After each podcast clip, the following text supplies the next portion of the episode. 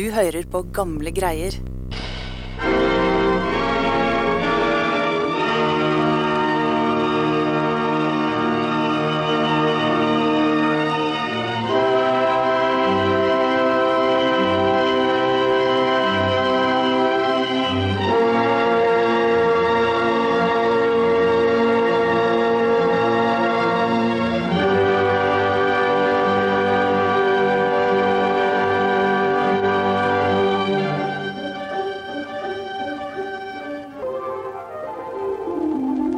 I 1950 er filmregissør Tankred Ibsen ferdig med en ny norsk spillefilm med tittelen To mistenkelige personer, men det blir ingen premiere for den ferske filmen.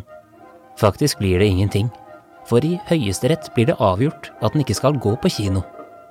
Først på slutten av 1990-tallet skal filmen bli vist for et publikum, og i 2007 blir den tilgjengelig for allmennheten. For historien i To mistenkelige personer var på mange måter ikke fiksjon. Den var inspirert av en hendelse som skjedde 24 år tidligere på Vågård på Ringerike.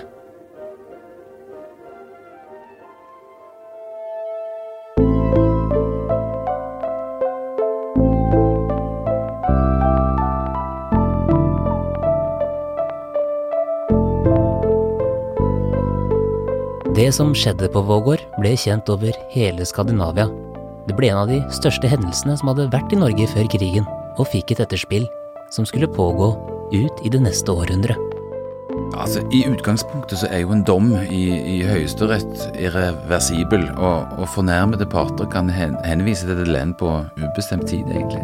Men eh, når de personlig involverte i en rettssak for lengst er døde, så er det likevel en vurderingssak hvor bokstavelig en skal forholde seg til en slik domfellelse.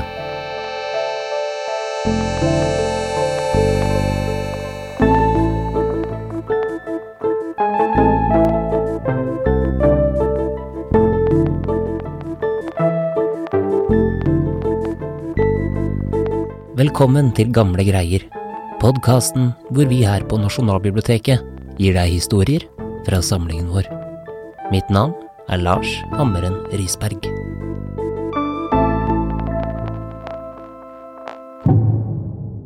At spillefilmer ble stanset i sensuren i Norge, det er jo ikke hverdagskost, men eh, i 1950 så skjedde altså det at den norske filmen To mistenkelige personer skulle ha premiere på kino i Norge, og filmen skulle faktisk ikke få en visning før 1999.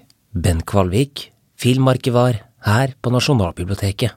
Og den ble ikke allment tilgjengelig, altså vist på TV, på DVD, før i 2007.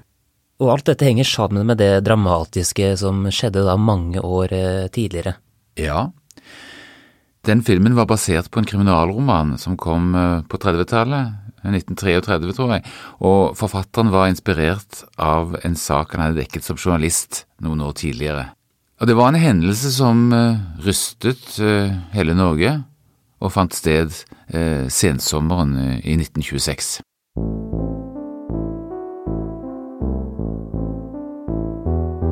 I august i 1926 da var det registrert en del eh, skapsprengninger og andre innbrudd på Ringerike og andre steder på, på Østlandet. Og eh, i utgangspunktet så visste en vel ikke hvor mange det var som var involvert der, hvor mange som hadde vært på ferde. Men, men på kvelden den 21. august så hadde det vært et mislykket innbrudd hos en landhandler ved Søndre Røste i Ådal. Og der var det etterlatt så tydelige spor at det, det kunne iverksettes en forbryterjakt. Så da dro altså en lensmann og en politibetjent i sporene etter forbryterne. Og de fortsatte til langt på natt, men måtte ta en pause da det ble mørkt, og på morgenen ble betjenten avløst av ytterligere én lensmann. Så nå var det altså to lensmenn på forbryterjakt, og visste ikke hvor farlige eller ufarlige menn de faktisk var på jakt etter.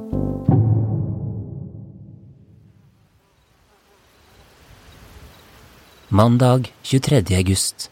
Det har nå gått et døgn siden de to lensmennene Jon Solumsmoen og Olaf Olde gikk inn i skogen for å finne forbryterne.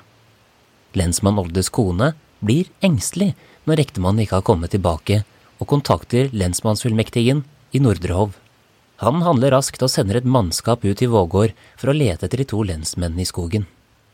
I rekkene som nå leter etter de offentlige tjenestemennene, er Oldes egen sønn, Oddvar. Han tjenestegjør ved Nordrehov lensmannskontor.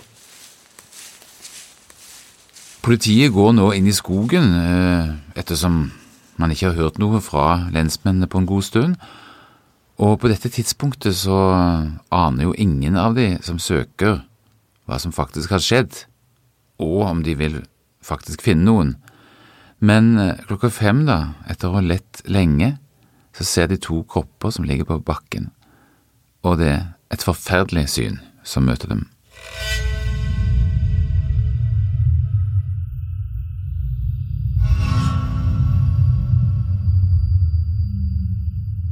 Foran dem ligger da de to lensmennene. Den ene, John O. Solumsmoen, har blitt skutt i hjertet, fått to knivstikk i halsen, og strupen hans er skåret over. Så ser Olde, som er sønnen til den andre lensmannen, Oluf O. Olde, sin egen far. Han er skutt to ganger. Det ene skuddet har gått gjennom høyre lunge, og det andre har truffet pannen. Men utrolig nok er han ikke død, han, han er i live, og det neste som skjer, er at mannskapet handler raskt og får fraktet han til en gård i nærheten. Og her gir de lensmann Olde legebehandling, men rundt klokken halv ti mister han bevisstheten, og noen timer senere, neste dag, dør lensmann Olde.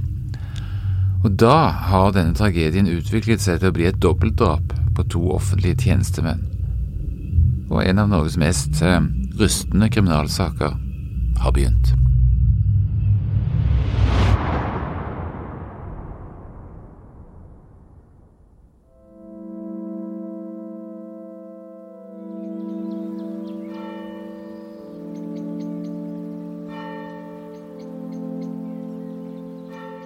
Nyheten om dobbeltdrapet på lensmann Solumsmoen Olde vekker sterke reaksjoner. Rundt 2000 mennesker har møtt opp for å vise sin respekt. Norges justisminister og finansminister er også til stede når lokalsamfunnet tar et siste farvel. Et utdrag fra Aftenposten den 30. august beskriver begravelsen slik. Alle flagg på halv stang. Slik fant de Hønefoss alle de som i løpet av lørdag formiddag strømmet inn i byen fra landsdistriktene. Lensmann Oluf Olde og lensmann Jon Solumsmoen skulle bæres til sitt siste hvilested. Helt ute i kirkegaten sto folk tause og alvorlige og ventet på høytideligheten inne i kapellet skulle ta slutt. Side om side sto deres kister i kapellet, og side om side skal de hvile i den evige søvn. Basert på sakens karakter, Bent, så blir det vel nå iverksatt en eh, stor etterforskning eh, fra politiet? Ja, eh, nå begynner jo det som skal bli en av de store menneskejaktene i norsk kriminalhistorie. Det blir iverksatt en klappjakt på de to som har gjort dette, og politiet sitter allerede på viktig informasjon. For før lensmann Olde døde, rakk han å fortelle noe av det som skjedde i skogen, og fikk gitt en beskrivelse av gjerningsmennene. Og det er disse opplysningene politiet tar med seg når de begynner på jakten på lensmannsbordene i slutten av august.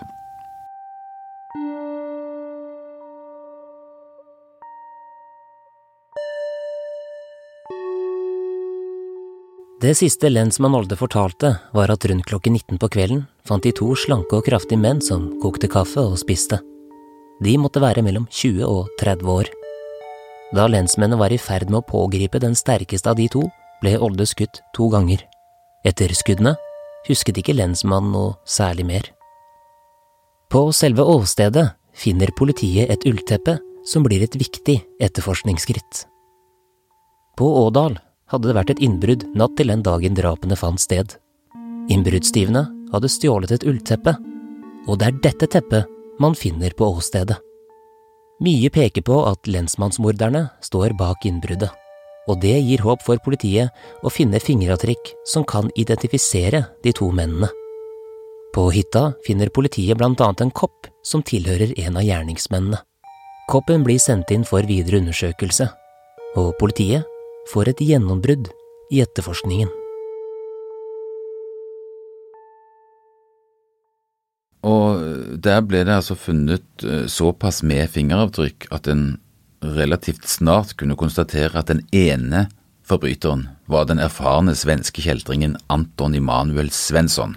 Han kjente det til fra før, og det var visstnok første gang i Norge at en forbryter ble avslørt ved fingeravtrykk. Og Et par uker senere så visste en også at den andre var den 19 år gamle Sigurd Henning Madsen. Og nå som politiet har fått identifisert disse mennene, blir etterforskningen mer målrettet. Og I tillegg har politiet bistand fra hæren og sivile, så det er ikke mangler på ressurser nå som jakten intensiveres. Og så velger pressen å gå ut med identiteten til gjerningsmennene, og det gjør vel flukten enda mer krevende nå som hele Norge, eller i alle fall hele Østlandet, vet hvem de skal eh, se etter? Eh, vel, eh, etterforskningen har jo fått en god start, og det er ikke urimelig å tro at man trodde den ville bli løst de neste ukene, men så snur det. Og man klarer ikke å finne gjerningsmennene i Norge. Den ene, altså Svensson, er jo svensk, så i Sverige setter man inn ressurser for å se om de kan ha krysset grensen, men det gir ingen resultater.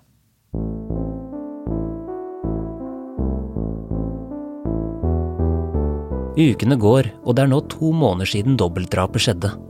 Ingen kan slå fast hvor gjerningsmennene befinner seg, på tross av alle ressursene som er blitt satt inn av politi, militære og sivile. Men på denne dagen, nøyaktig to måneder etter drapene, skal en tilfeldighet føre til en dramatisk vending i saken.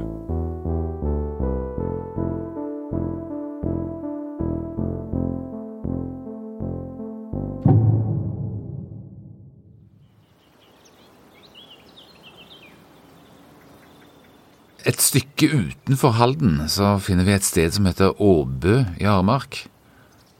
Og Denne dagen er det en småbruker som er ute, og han får øye på noe mistenkelig.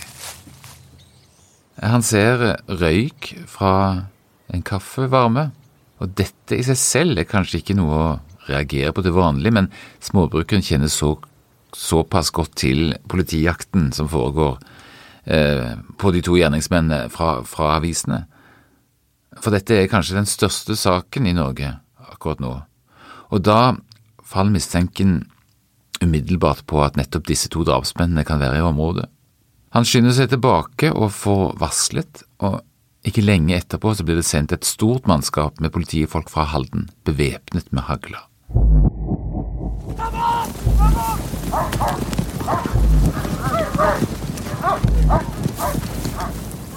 Og så er det det store spørsmålet om dette er enda en falsk alarm, men det viser seg at det ikke er.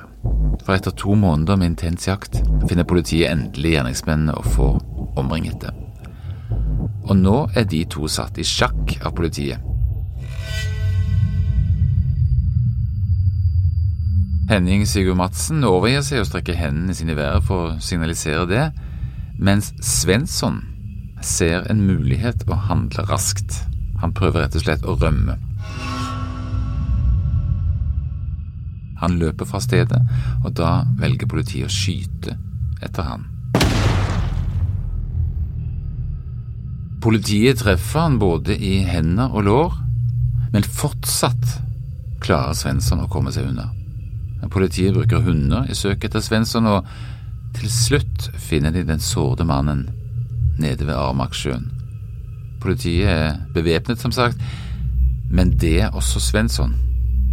Han trekker nå opp en revolver idet politiet omringer han, og så smeller det.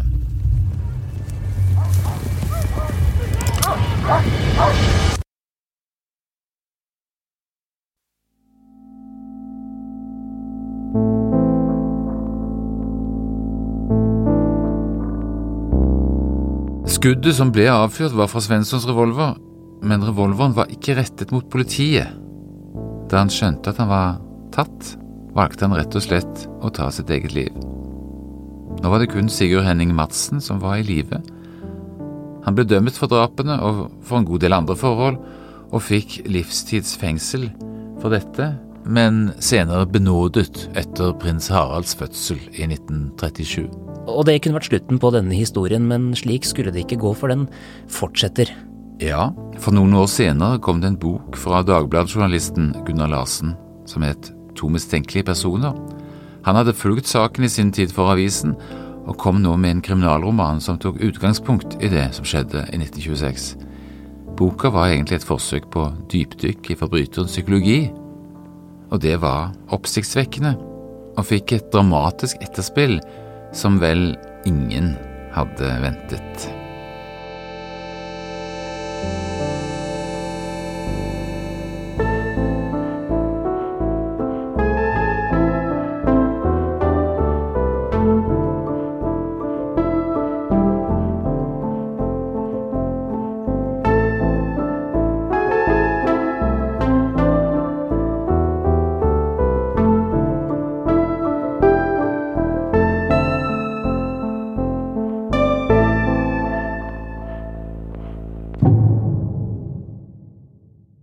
1949 så ble det gjort kjent at uh, filmregissøren Tankred Ibsen var i gang med en filmatisering av Larsens roman, altså romanen To mistenkelige personer av Gunnar Larsen.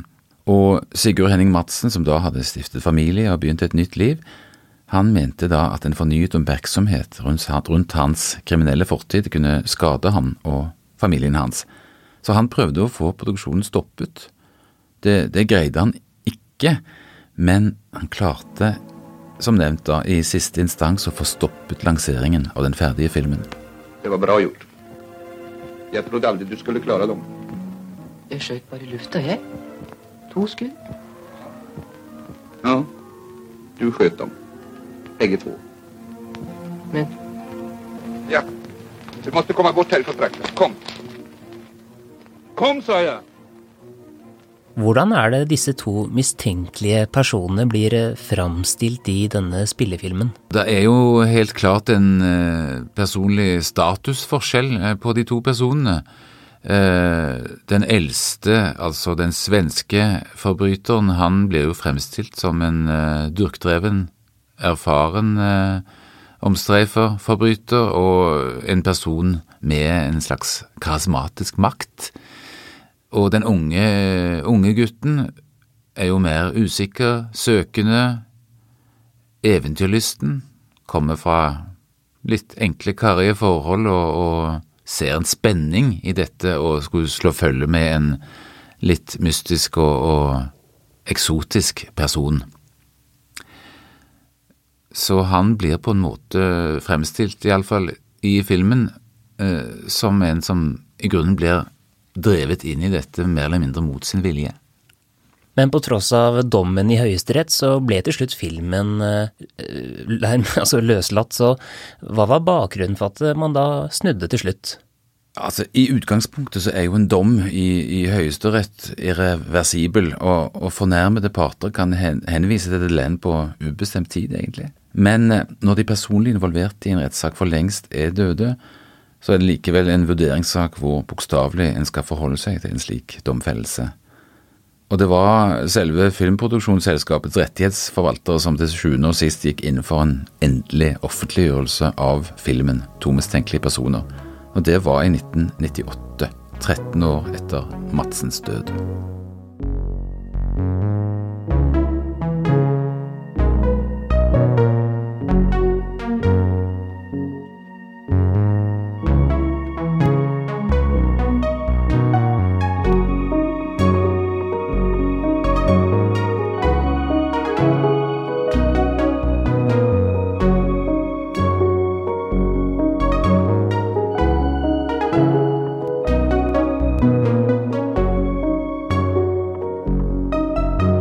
Hvis du blir mer nysgjerrig på lensmannsmordene, så kan du lese boken 800 år i kongens tjeneste, Ringerikes lensmenn, av Erik Tangen.